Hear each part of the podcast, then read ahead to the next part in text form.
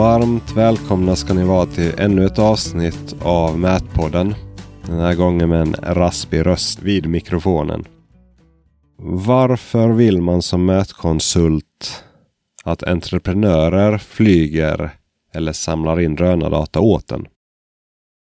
Det är en fråga som Jonas från Digitizeit kommer att eh, svara på. Jag intervjuade dem i samband med att Digitizeit släppte en, eh, man kan säga en produkt som processar drönardata. Alltså flygbilder till ett punktmoln och en markmodell som de har paketerat ihop. Och Jonas förklarar hur det upplägget går till. Jag var bjuden på deras release som nu var några månader sedan. Men så pratar vi om just varför och hur samarbetet fungerar och vad de ser som fördel att låta entreprenörerna göra en del av det här datasamlandet. Och sen intervjuar jag också Linda som jobbar som modellbyggare där. Hon har jobbat som grovis eller yrkesarbetare tidigare och varit på kontoret drygt år. Och bygger modeller för grävmaskiner. Och då pratar vi om lite om hur övergången har varit, hur det har kommit igång, vad skillnaden är att vara ute och jobba och hur det är att jobba på kontor. Så håll till godo så ska jag gå och fortsätta kurera mig. Ja, du kan ju bara presentera dig helt kort. Du var ju med i podden inte alls så länge sedan. Det stämmer ja. Eh, Jonas Andersson heter jag, eh, VD på Digitizeit. Och eh, jag kommer från anläggningsbranschen. Vi startade Digitizeit för ett och ett halvt år sedan ungefär. Drönare och maskinstyrning arbetar vi mest med och det har vi gjort sedan 2017 ungefär. Ni har utvecklat någonting här. Du kan ju berätta om vad, vad ni har för produkt som ni har utvecklat. Ja, eh, det är ju vår plattform som vi ska lansera till senare idag ju. Och eh, vad vi gör då egentligen det är att vi öppnar för externa användare. Det finns en betallösning som man kan logga in. Och det handlar om att man ska, eller man kan ladda upp sina drönarbilder och få ut ett punktmoln punktmål och återfoto. Och eh, vill man sen ha mer gjort av sina punktmål och annat så har vi ju personal som kan stå till tjänst och hjälpa till med vad man nu vill ha. Vi kan göra ritningar och maskinstyrning och ja, vad man vill ha helt enkelt. Ja, om du beskriver när du säger en plattform, eh, vad är målet med det?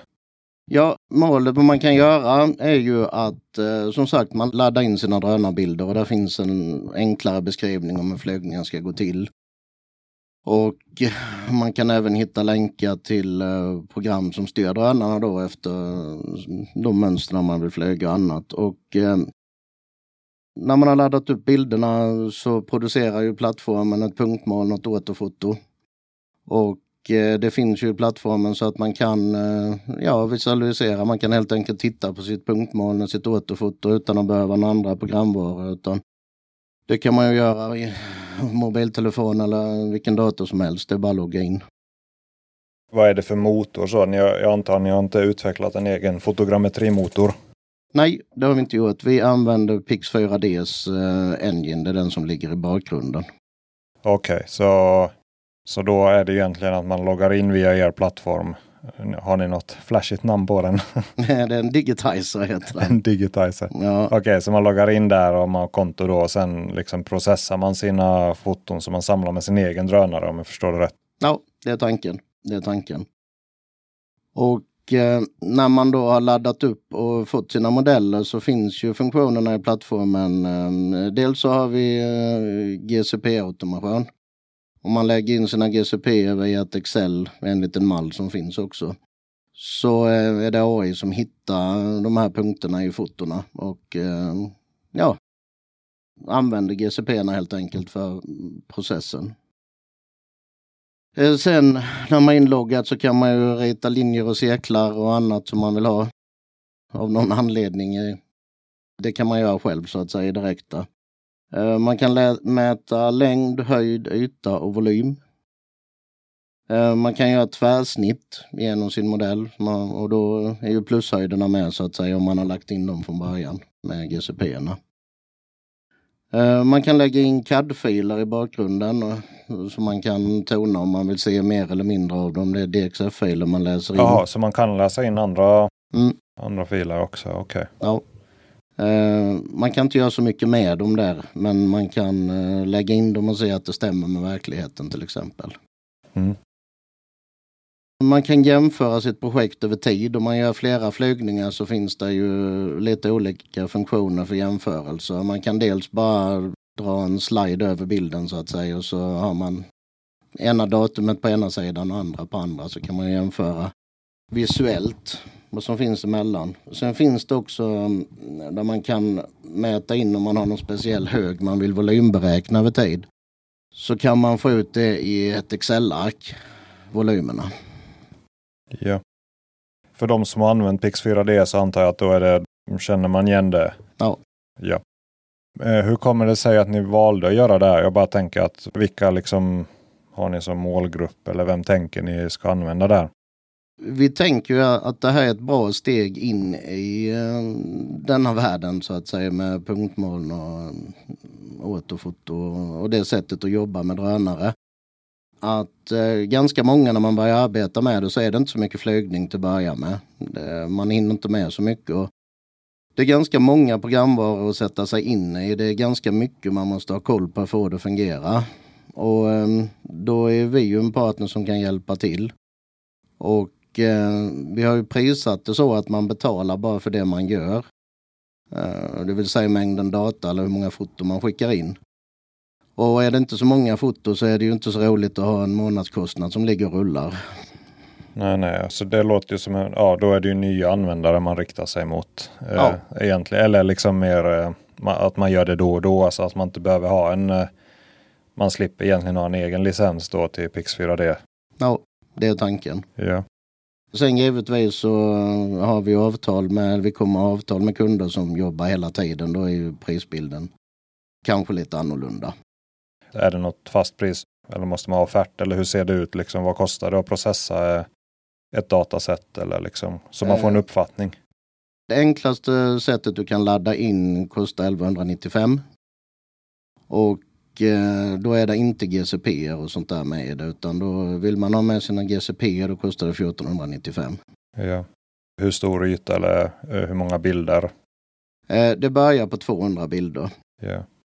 Och för de som inte flyger drönare så mycket, hur stor yta ungefär kan man rimligtvis täcka med 200 bilder? Man täcker, ja, det beror så jättemycket på vad det är jo, man har för data, men säg ett par. Man tänker en anläggare som ska ha lite jordschakt på en yta. Ja, en, en två hektar täcker du ju väldigt väl i det ju. Ja, ja. så det, det är ju liksom en, en byggarbetsplats eh, relativt rätt så stor byggarbetsplats, en 10 000 kvadrat ändå liksom. Ja. En två grävmaskiner som går på där.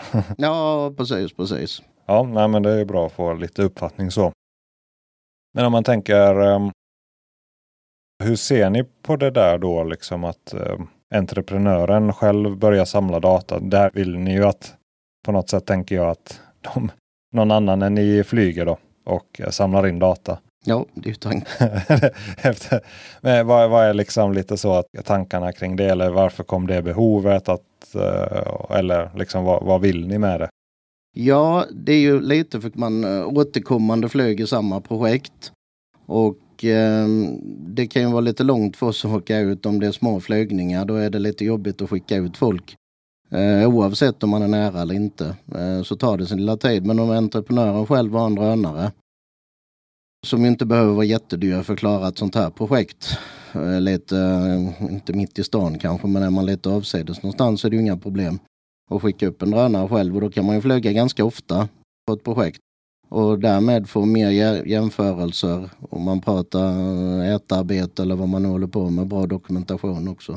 Så tanken är ju att eh, kunna få in fler flygningar på ett projekt utan att lägga pengarna på att vi tvunget måste åka ut och flyga. Ja, för visst blir det att egentligen rätt så stor del av kostnaden är ju dit och hem. alltså i, i förhållande, alltså en rätt så stor bit av en uh, flygning är ju körtid för konsulten. Ja, så att om man det. är där varje dag, så det, det, är sant liksom. Det har jag inte tänkt på. Men att då får man ju mer nytta av samma, eh, ja, samma summa om man i slutändan. Ja, framför allt att du kan flyga mycket, mycket mer på ett bygge. Du jo, får... men då kan du ha varannan vecka eller varje Ja. månad istället för en, en gång i början, en gång i slutet. Ja. Eh, utan för den saken skulle lägga så mycket mer på det. Ja, absolut.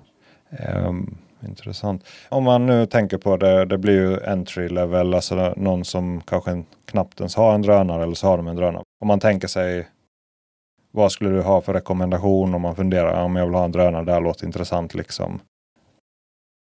Vilken prissumma bör man själv lägga ut på drönare och vad behöver man för kringutrustning och så vidare. Väldigt lite, lite kortfattat för att komma igång med drönarflygning.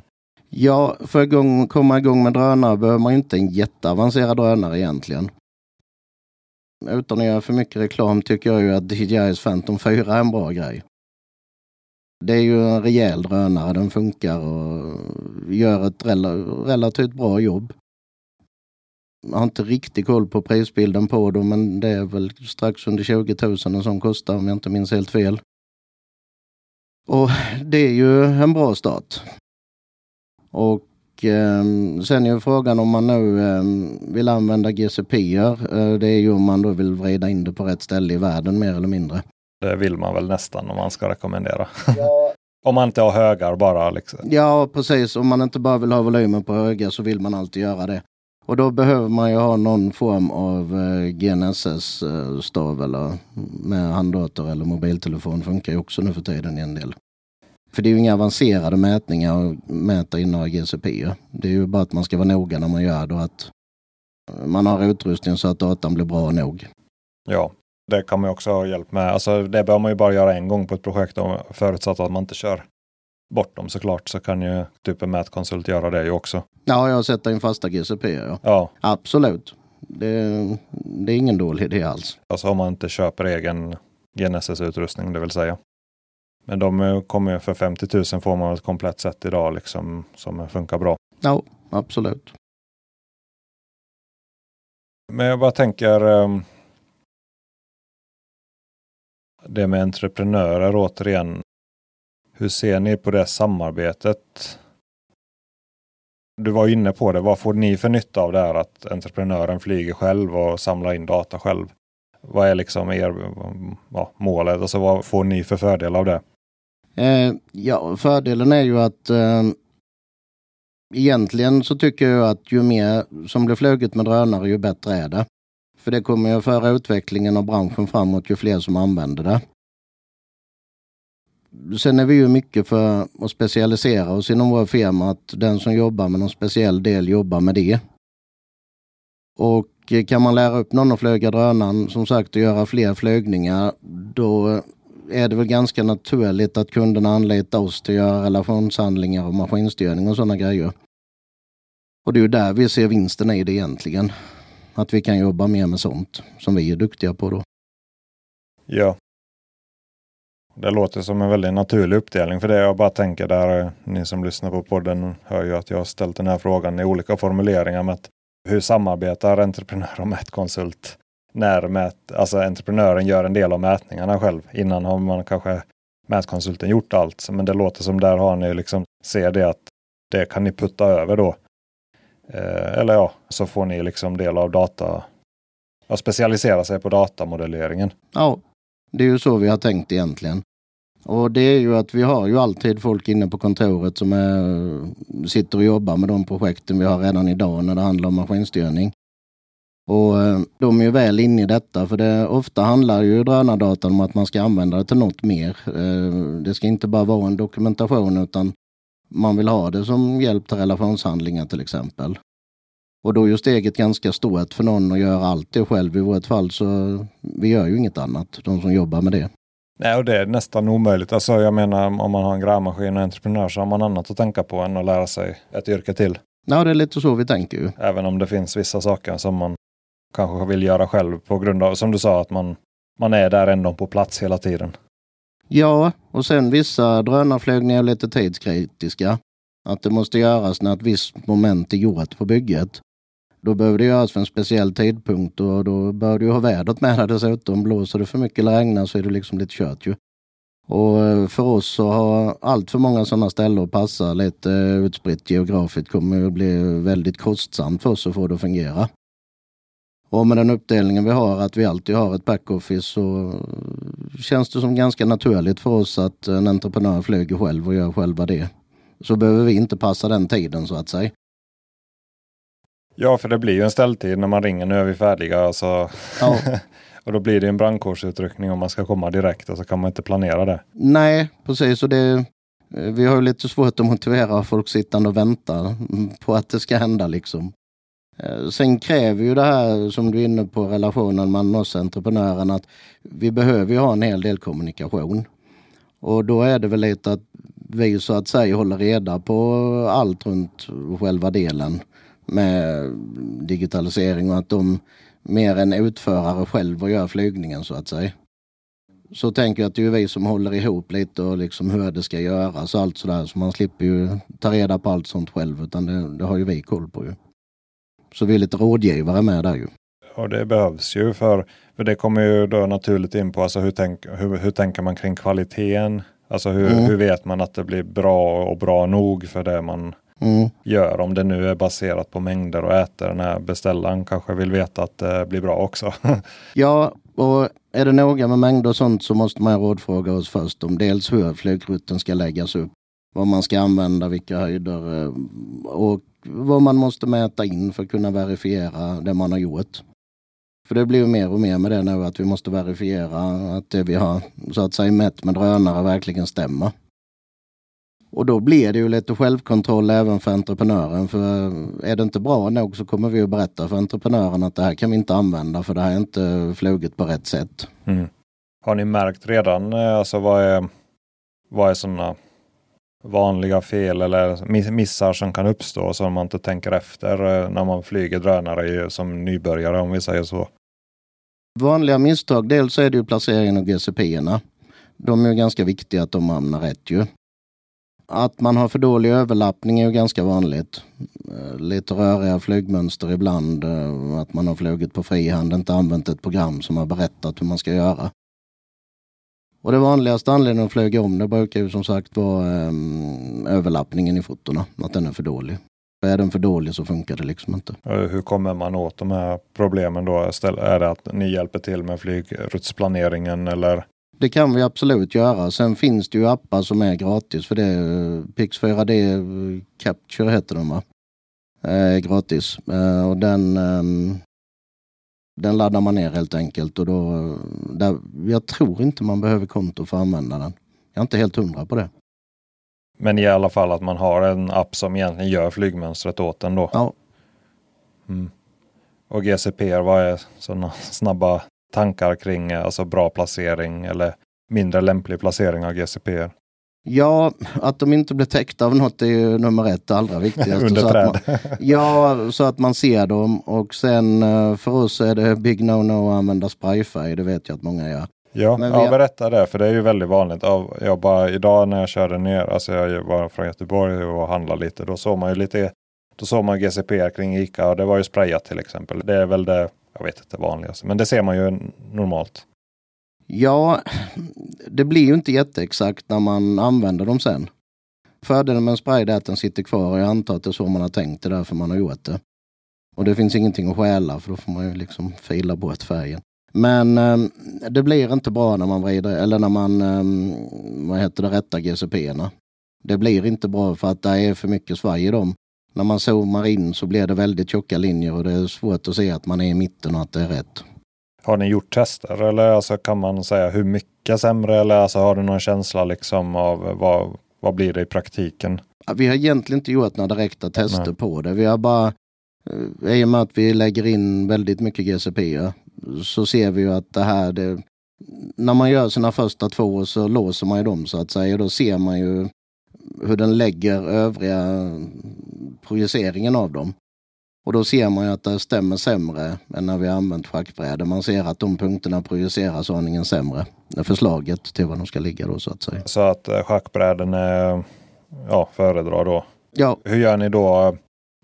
just vid återkommande flygningar så finns det någon för och nackdel med att man får en förändrat läge på dem mellan flygningarna? Man måste ju kontrollmäta dem lite då och då. Eh, man ser ju också mellan modellerna om de är flyttade, men är de flyttade så är de ju värdelösa. Ni brukar lämna kvar dem då? Eller hur? Eh, oftast inte, för vi har inte haft så många fasta byggen, utan då har vi tyckt att i och med att vi själva har egna mätinstrument så mäter vi in dem på nytt och vi mäter, mäter dem eh, före och efter flygning dessutom. Så att vi vet att de inte har ändrats under flygningen. Och ser vi att någon av GCP-erna är flyttad så ignorerar vi den så att säga. Då får den bli en kontrollpunkt istället till punktmolnet. Mm. Intressant. Men om man tänker där var att inse sina begränsningar då. Vad kan man inte göra som nybörjare eller vad man säger? Alltså vad, när, när börjar det bli komplext? Alltså du nämnde i stan, alltså vad, vad finns det för sådana här zoner eller vad, vad, ska man tänka på att man kanske inte ska bara ge sig i kast med? Nej, det finns ju rätt många ställen inte bara är att flyga på. Eh, flygplatsernas kontrollzoner till exempel är ju sådana. Och eh, till exempel här i Halmstad som vi utgår ifrån här täcker ju flygplatsens kontrollzon hela centrum i princip. Och eh, är man över 50 meter och flyger då måste man ju kontrollera med flygledartornet så att man får flyga helt enkelt. Man får inte flyga över folk heller ju. Eh, det måste man ha koll på. Man får, men man måste förbereda och ändra en hel del saker och det ska informeras. Och det ska skyltas och varnas och allt möjligt och man gör det ju. Okej. Okay. Och det är ju ofta ett återkommande problem.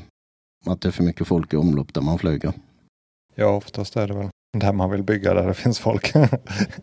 Precis, och då, men sommaren är ju bra. Då flyger vi ju väldigt, väldigt tidigt på morgonen när det inte är någon folk. Det är ju ett sätt att gå runt det. Så har vi gjort emellanåt. Ja, ja, så att det finns lite ljus. Så. Ja, funkar dåligt på vintern. Men på sommaren kan man ju flyga vid fyra tiden på morgonen eller fem i alla fall. Ja. Och då brukar det vara rätt lugnt ute. Hmm. Intressant.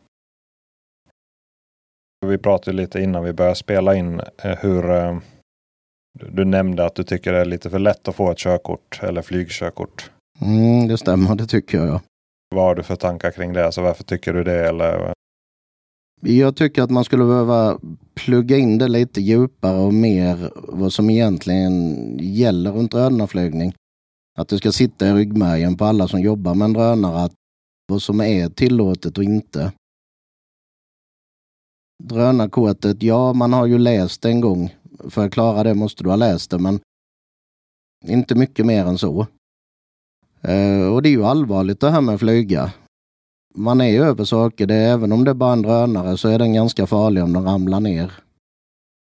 Och sen är ju nästa dilemma att drönare har ju fått så himla dålig, eh, ja, det är dåligt med drönare tycker många. Det används till så mycket saker som inte är bra. Och då måste ju vi som är seriösa på något vis sköta oss väl och försöka lyfta det att uh, man har mycket nytta av drönare också. Det är inte bara Det är inte bara spioner som Det är inte bara spioner och annat elände som använder drönare utan många gånger är det ett väldigt bra hjälpmedel. Och det är ju som fram, fördelar som vi framhäver med flyg det att uh, vi kan mäta byggarbetsplatser under tiden man arbetar och de märker inte ens att vi är där. Sen måste de givetvis veta om att vi är där men Eh, vi stör inga arbete och sånt där. Och man kan mäta farliga platser utan att faktiskt behöva vara nära dem, raskanter och annat. Så drönarna har ju en viktig roll att fylla i bygg och anläggningsbranschen. Och då gäller det till att alla som jobbar med det seriösa i min värld så att det inte blir en massa ja, dåliga tankar kring drönare. Ja, så att man upprätthåller ryktet egentligen för branschen ja. och för utförarna och så. Så att det inte blir massa väldigt svår lagstiftning igen. Det brukar väl bli så att om det händer allvarliga olyckor då skruvar man åt någonstans. Ja, ja. Nu får vi ta bukt med det. Och vi skulle väl välkomna om det skruvades åt lite mer än vad det gjort idag. Ja. Bra resonemang där då. Men om man sammanfattar vad är en digitizer? Hur går man tillväga om man tycker att det här är intressant? Då? Hur gör man rent praktiskt? Vilken hemsida och, och så vidare? Det är bara att googla upp vår hemsida digitizeit.nu. och så kommer där att stå och gör din egen 3D-modell. Och går man in där så kommer man till alla beskrivningar som beskriver hur man ska gå tillväga, hur man ska flyga och hur man ska göra. Jag bara tänkte det, lite prisbilden där. Alltså, när man väl har processat dem, säger man processar några bilder, hur länge har man kvar dem eller bör man ha någon underhållskostnad så eller finns det någon? I nuläget så har vi sagt att vi kommer att spara datan i två år utan att det kostar något. Det ingår i så att säga processen. Sen får vi se hur mycket som är aktuellt att spara längre än det, för man kan ju faktiskt ladda ner sin data. Ja, men två år är väl generöst? Ja. Att då när man väl betalat det och så vill jämföra ortofoton och punktmål så kan man göra det för alla man har processat helt enkelt. Ja. Sen kommer vi väl troligtvis inte att slänga någon data, utan, men man kanske inte kan få upp den direkt sen och då kommer det klart att vara förknippat med en kostnad att vi plockar fram det igen. Ja. Men två år låter. Det är lång, lång tid ändå. Eller så att det finns ett lite större projekt hinns med. Jätteintressant. Kul. Då har jag rört mig vidare här i korridoren hos Digitize It och så har jag kommit till eh, Linda. Kan ja, presentera dig själv och kanske lite yrkesbakgrund. Jag tänker lite, det hade varit kul att veta vem som jobbar och vad man har för bakgrund. Jag har jobbat som anläggare innan i flera år och det blev att jag fick möjlighet att komma in här på kontoret. Har du jobbat länge på kontor? Eh, nej, nej, utan det börjar närma sig ett år här. Alltså du är ja, färsk egentligen? Jag är ganska färsk fortfarande. Ja. Hur kom det sig eh, om du jobbat som anläggare? Det, det är ju rätt så stort skifte. Ja, visst är det det, men, eh, men Jonas, eh, min chef, han såg väl potentialen och tänkte att det kanske kunde bli bra. Och jag kände att jag ville ha möjlighet att testa och få komma in här på kontoret. Eh, och det här är ju någonting som utvecklas lite grann allt eftersom jag kom in. Att jag har fått växa in i det hela. Så att säga. Det här lära mig och jag jobbar som anläggare ute och det jag gör inne på kontoret är egentligen samma sak som jag gjorde ute fast jag sitter och gör det i datan istället. Ja, så kan man säga. ja, ja nej, men typ jag, jag formar ju. Jag gör ju grävmaskinsmodellerna. Då får jag ju möjlighet att forma så som jag hade velat ha det där ute. Det är ju en stor fördel. Vilken typ av jobb gjorde du som anläggare eller har du gjort det mesta? Eller vilken roll hade du ute på en arbetsplats? Var gubben eller grävmaskinist? Eller? Jag, jag var ju, äh, alltså, jag var ju gropa... Är det så man säger? Gropagrisen, gropagrisen säger man i Halland. ja, nej men, eh, nej, men jag var ute. Ja. Jag var utanför grävmaskinen. Nej, men jag tyckte det var roligt att få, få vara delaktig och uh, ha lite koll på ritningar och Ja, för visst har yrkesarbetaren, om man har den fina termen, yrkes, nej men alltså, grovisen, att man har ju koll på projektet. Alltså ritningarna. Om man är lite driven så har man ju alla ritningar. Om man kanske gått med laser och kanske GPS nu för tiden. Va? Ja, så är det ju. Att det är ju det, man det driver ju, jobbet ju. Ja, det gör ju. Den anläggaren ska ju ha koll på vad som ska göras.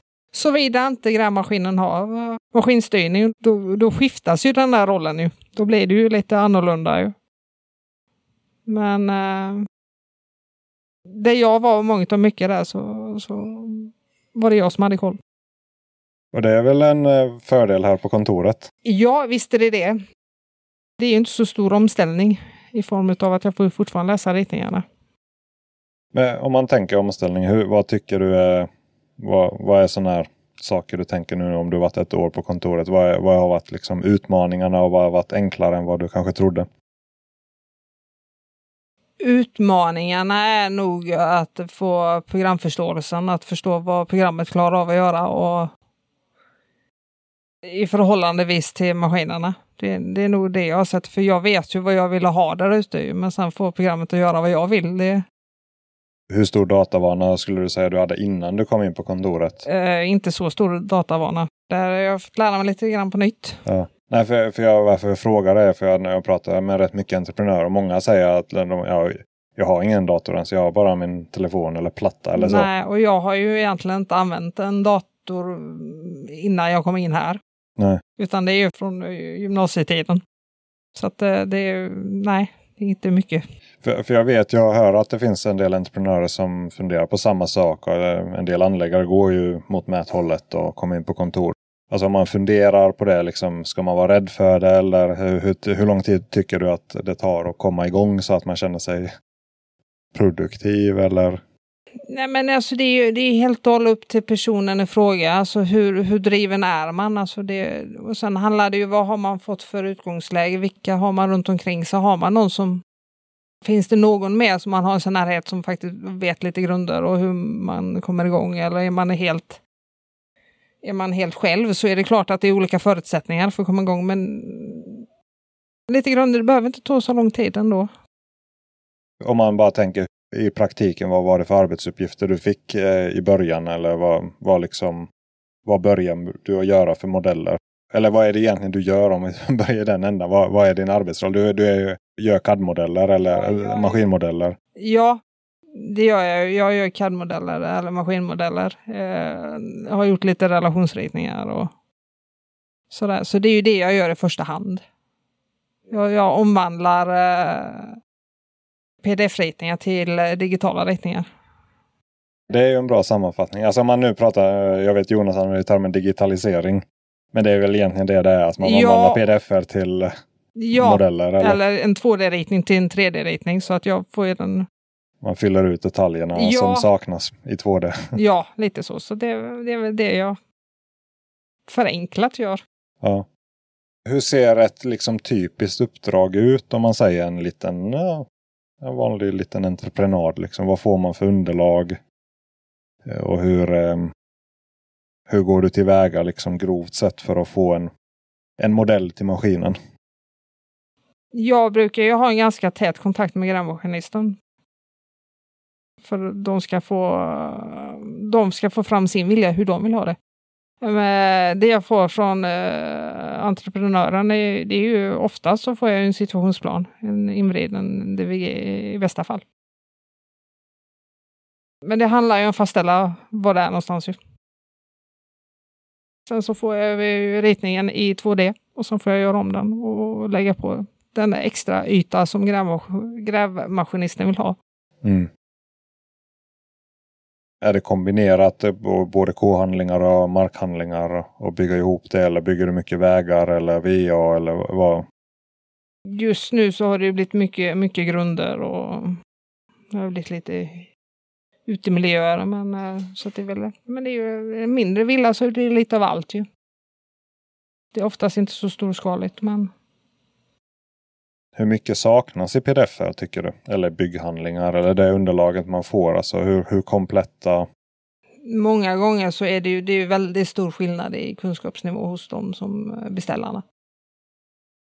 Och mm, vissa har ju, de har ju tänkt på allt. Där får vi invridna, invridna situationsplaner och, eller nybyggnadskartor där eh, tomtkoordinater och allting finns med. Och på andra ställen där finns det ingenting. Det är varken rätt i skala eller, eh, eller georefererat överhuvudtaget. Så att då får man börja om helt från noll och i värsta fall så får vi åka ut och, och sätta ut tomtekäglarna för att, för att få reda på vad det är någonstans och sen så kunna börja bygga. Så att det, det är ju väldigt varierat beroende på kunskapsnivå. Vi får ju oftast efterfråga ritningar, vad vi behöver allt eftersom. Ja. Jag bara tänker för beställare då liksom. Och det finns ju väldigt mycket pengar att spara. Alltså om man ger ett underlag tänker ja. jag. Ja, alltså om man nu, oftast är det ju timdebitering man ger då. Vad skulle du säga, vad vill du ha för underlag? Om man säger en optimal värld? En optimal värld så vill jag ha en, en invriden uh, situationsplan. Uh, jag vill ha DVG. De får gärna vara invridna de också. Det är ju absolut bästa, för då, då har vi inte olika grunder, grundförutsättningar att jobba efter, utan då vet jag att det, alla har blivit invridna efter samma förutsättningar. Gärna lite K-ritningar för att kunna stärka. Får du IFC-filer någon gång? Jag tycker K ritar inte så ofta. IFC A är vanligare på lite ja. större jobb. Men Ritar inte. Men om du får IFC-filer kan du plocka, får du nytta av det och kunna plocka ut ytor ja, därifrån? Ja, oh, ja. Jag, har ju, jag har ju både fått IFC-filer som K-filer och uh, som uh, arkitektfiler. För det känns ju, alltså jag tänker att det borde man ju få med tycker man. Alltså ja, att, ja. att, att de finns ju någonstans i bakgrunden. Idag genereras ju nästan alla alla de där ritningarna kommer ju som utspottade från Revit. Så det sitter ja, ju någon ja. modell någonstans i, ja. längst bak. I. Ja, många gånger så finns, ju, från, finns ju det där. Men det, Det är inte alltid de kommer fram kanske. Nej. Och jag vet inte, hjälper ni entreprenörer att räkna på anbud? Alltså ta fram liksom modeller i ett väldigt tidigt skede innan de ens vunnit jobb? Eh, vi har inte gjort det i nuläget, men det är kanske är någonting vi gör i senare skede. Nej, jag bara tänker, för jag, jag har ju varit med om det mycket. Och om man har vunnit jobbet brukar ja. man få tilldelat, alltså då får, då får man DVG-erna. Men när man räknar på jobbet ja. så finns bara pdf-erna. Och då måste entreprenören, han, han betalar ju mig för att jag ska göra en ja. modell och det skulle jag bara fått DVG-erna där hade ju kapat ett par timmar. Ja. Och, och de pengarna är ju lite sura då för entreprenörer om de inte får jobbet överhuvudtaget. Så att inte beställare i sina offentliga upphandlingar eller vad, vilka ja. det kan vara privat också, men att man inte ger CAD-filerna där. Det är väldigt besynnerligt. Ja. Vilken programvara använder du och hur tycker du det? Eh, jag jobbar med TopCAD. Eh, jag tycker det funkar bra. Den är enkel och eh, ganska lätt att jobba med faktiskt. Har du jobbat med något annat eller ja, är det det du har jobbat med bara? Eller det är inte bara, men alltså man, man jobbar kanske ofta med det man jobbar med. ja, nej, jag har haft möjlighet att testa på andra CAD-program. Men eh, jag fastnade för TopCAD. Jag tyckte det var... Det funkade bra. Jag bara tänker om man återvänder egentligen ut till fält. Alltså så, om, nu när du har jobbat ett år på kontor, vad tror du anläggare skulle eller entreprenörer skulle behöva veta om den här världen? Att när man är på kontor, eh, liksom, vad kan vi göra? Om man frågar efter rätt grej, vad skulle underlätta i deras led? Jag tänker inte bara på underlaget då, men typ när du jobbade ute i fält och så ser du nu vad du skulle kunna producera. Vad skulle du vilja haft då? Sådär om du... Ja, jag inser ju att jag eh, från min sida har ju möjlighet att lägga in all Alltså, vi kan ju få med all information ut, alla linjer och allting kan vi ju få ut i grävmaskinerna. Det är alltså jämt den här eh, möjligheten att veta var vi har allting placerat. Det är ju, annars är den här ständiga väntetiden på eh, en utsättare eller en platschef som ska gå och måtta som har någon referenspunkt. Alltså det, det är ju det här att veta var vi har allting ute på plats, att vi kan planera vårt arbete Ja, man blir inte beroende av en nej, extern nej. part. Nej, nej, utan man kan ju lägga in allt ritningsmaterial in i grävmaskinen så man vet var man har allting. Så man ständigt kan hålla sig rullande så att säga. Man behöver inte vara stillastående på grund av okunskap eller inte, inte vet. Nej, och jag bara tänker, vad tror du om den, eh, alltså att som anläggare eller grovis ha en rover? Alltså en handdator. Räcker det ja, klart det räcker att ha det i grävmaskinen. Men visst blir man inte lite utanför som anläggare då? Att grävmaskinisten och allting, han vet vart det ska vara. Men du står ju där och... ja, rollerna blir ju lite, det blir ju lite förskjutet. Det blir ju lite omvänd ordning så att säga. Från att vara anläggaren som kanske har koll så har man inte samma koll på samma sätt. Därför grävmaskinisterna har eh, allting i sin grävmaskin. Och det är klart, hade jag haft, eh, om jag varit ute och jobbat och man haft möjlighet att få själv eh, samma koll så det är klart att det hade underlättat. Då hade man kunnat ha ett samarbete kanske på ett annat sätt. Ju.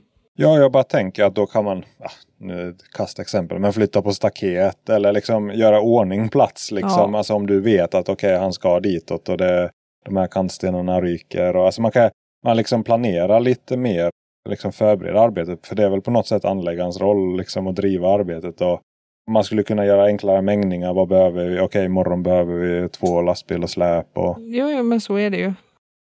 Har man kunskapen så kan man ju planera efter. Då kan vi få ett rullande, en rullande gång så att säga. Då får man ju arbetet att flyta.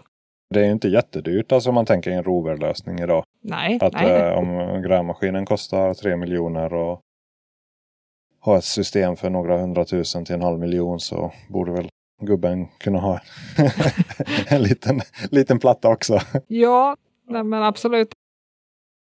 Då vet ju alla vad de ska göra. Alla får samma syn på det hela. Mm. Ehm, jag tänker lite här då eh, om man tar till din kontorsroll här. Alltså du har ju pratat med grävmaskinister så. Vad vill man ha för filer i maskinen? Hur vill man ha ytorna och vad vill man ha för bakgrundsfiler? Är det helt liksom att alla vill ha det på sitt sätt? Eller finns det, liksom, finns det någonting som du tycker är standard eller du skulle rekommendera så här? Om de säger, ja, jag vet inte, vad kan jag ha? Vad kan jag få i min maskin? Vad skulle du säga? Ja, det här får du då. Nej, men alltså jag försöker ju dela upp materialet som de kommer behöva så att det blir så tydligt och enkelt som möjligt. Det är ju det vi ska försöka hålla ner informationen och förenkla den. Vi ska slippa ha, få de plottriga ritningarna utan vi ska kunna välja att tända och släcka. Det just det moment vi jobbar med utan vi kan isolera och gräver vi för elkabeln eh, eller gör VA så behöver vi bara ha det tänt till exempel. Alltså vi ska inte behöva ha allting annat tänt också för att få fram informationen utan vi Delar du upp det i olika filer? Eller hur? Ja, det kanske beror på vilken maskinsystem man har. Ja, men i regel så delar vi upp det för att man själv ska lättare kunna tända, tända och släcka informationen. Mm. Om man tänker rörgravar, hur brukar du göra dem då? Alltså eller VA-schakt. Vad tror du folk föredrar? Vill de ha en terrängyta i botten eller vill de ha en, en 3D-linje som de kan klicka på så att de kan få vattengång? Uh, jag brukar ju faktiskt i regel uh, bara ha en, uh, en 3D-linje de får trycka på för, i och med att de får själv anpassa det här med skopredd och... Ja. Ja, nej, nej, det, det är väl... Det, det är lite grann efter vad som efterfrågas. Ja. Är det någon som vill ha en schaktbotten så får de det. Säg alltså. vad ni vill ha. ja, men det är lite, lite så. Det är, det är ju inte jag som ska jobba med materialet utan det är, det är ju de som ska jobba med det. Det är det jag menar, har jag en dialog med grävmaskinisten han det är, det är ju vad han behöver ha fram för information och hur han vill att den ska visas. För att få det. Alltså det, det kan vara ganska lätt åtgärd för mig att framställa informationen för att han ska förstå vad han ser. Ja. Tät dialog helt enkelt som vanligt. Ja. Nej men det är ju varje gång man lämnar över ett glas så vill man ha så mycket kvar i glaset ja. så att man inte tappar det. Ja, nej men så är det ju. Eh, ja. Om man sammanfattar eh, här lite. Vad skulle du säga till folk som funderar på om man ska Ska man leta sig in till kontor? Är det värt det och liksom bli nollad och liksom och lära sig nytt? Eller vad, vad tänker du kring det? Hur, hur känner du nu när du har jobbat ett år? Börjar komma in i det? Jo, men alltså det här är ju två, det är två olika sidor av samma mynt kan man säga. Även om jag sitter inne och inte ute nu så, så känner jag ändå att jag får ju Nej, men det är spännande, det är en utmaning att få lära sig nya saker av det man har lärt sig innan, fast på ett annat sätt. Ja, men det är intressant. För ja, det är som du säger, det är ju samma bransch. Ja, det är ju alltså, samma sak. Alltså, det, det, jag gör är ju inte, visst jag sitter vid en data, men eh, i stora hela så är det ju eh, istället för att, eh, att uh, raka en yta mot en laser så står jag och gör en yta i, i, eh, i datan. Alltså, vi, jag gör samma moment ändå fast virtuellt. Ja. Ja, I USA kallar de för virtual design and construction egentligen. Eh, så det, det är sant. Ja. Vad roligt. Tack för att jag fick intervjua dig. Ja, tack själv.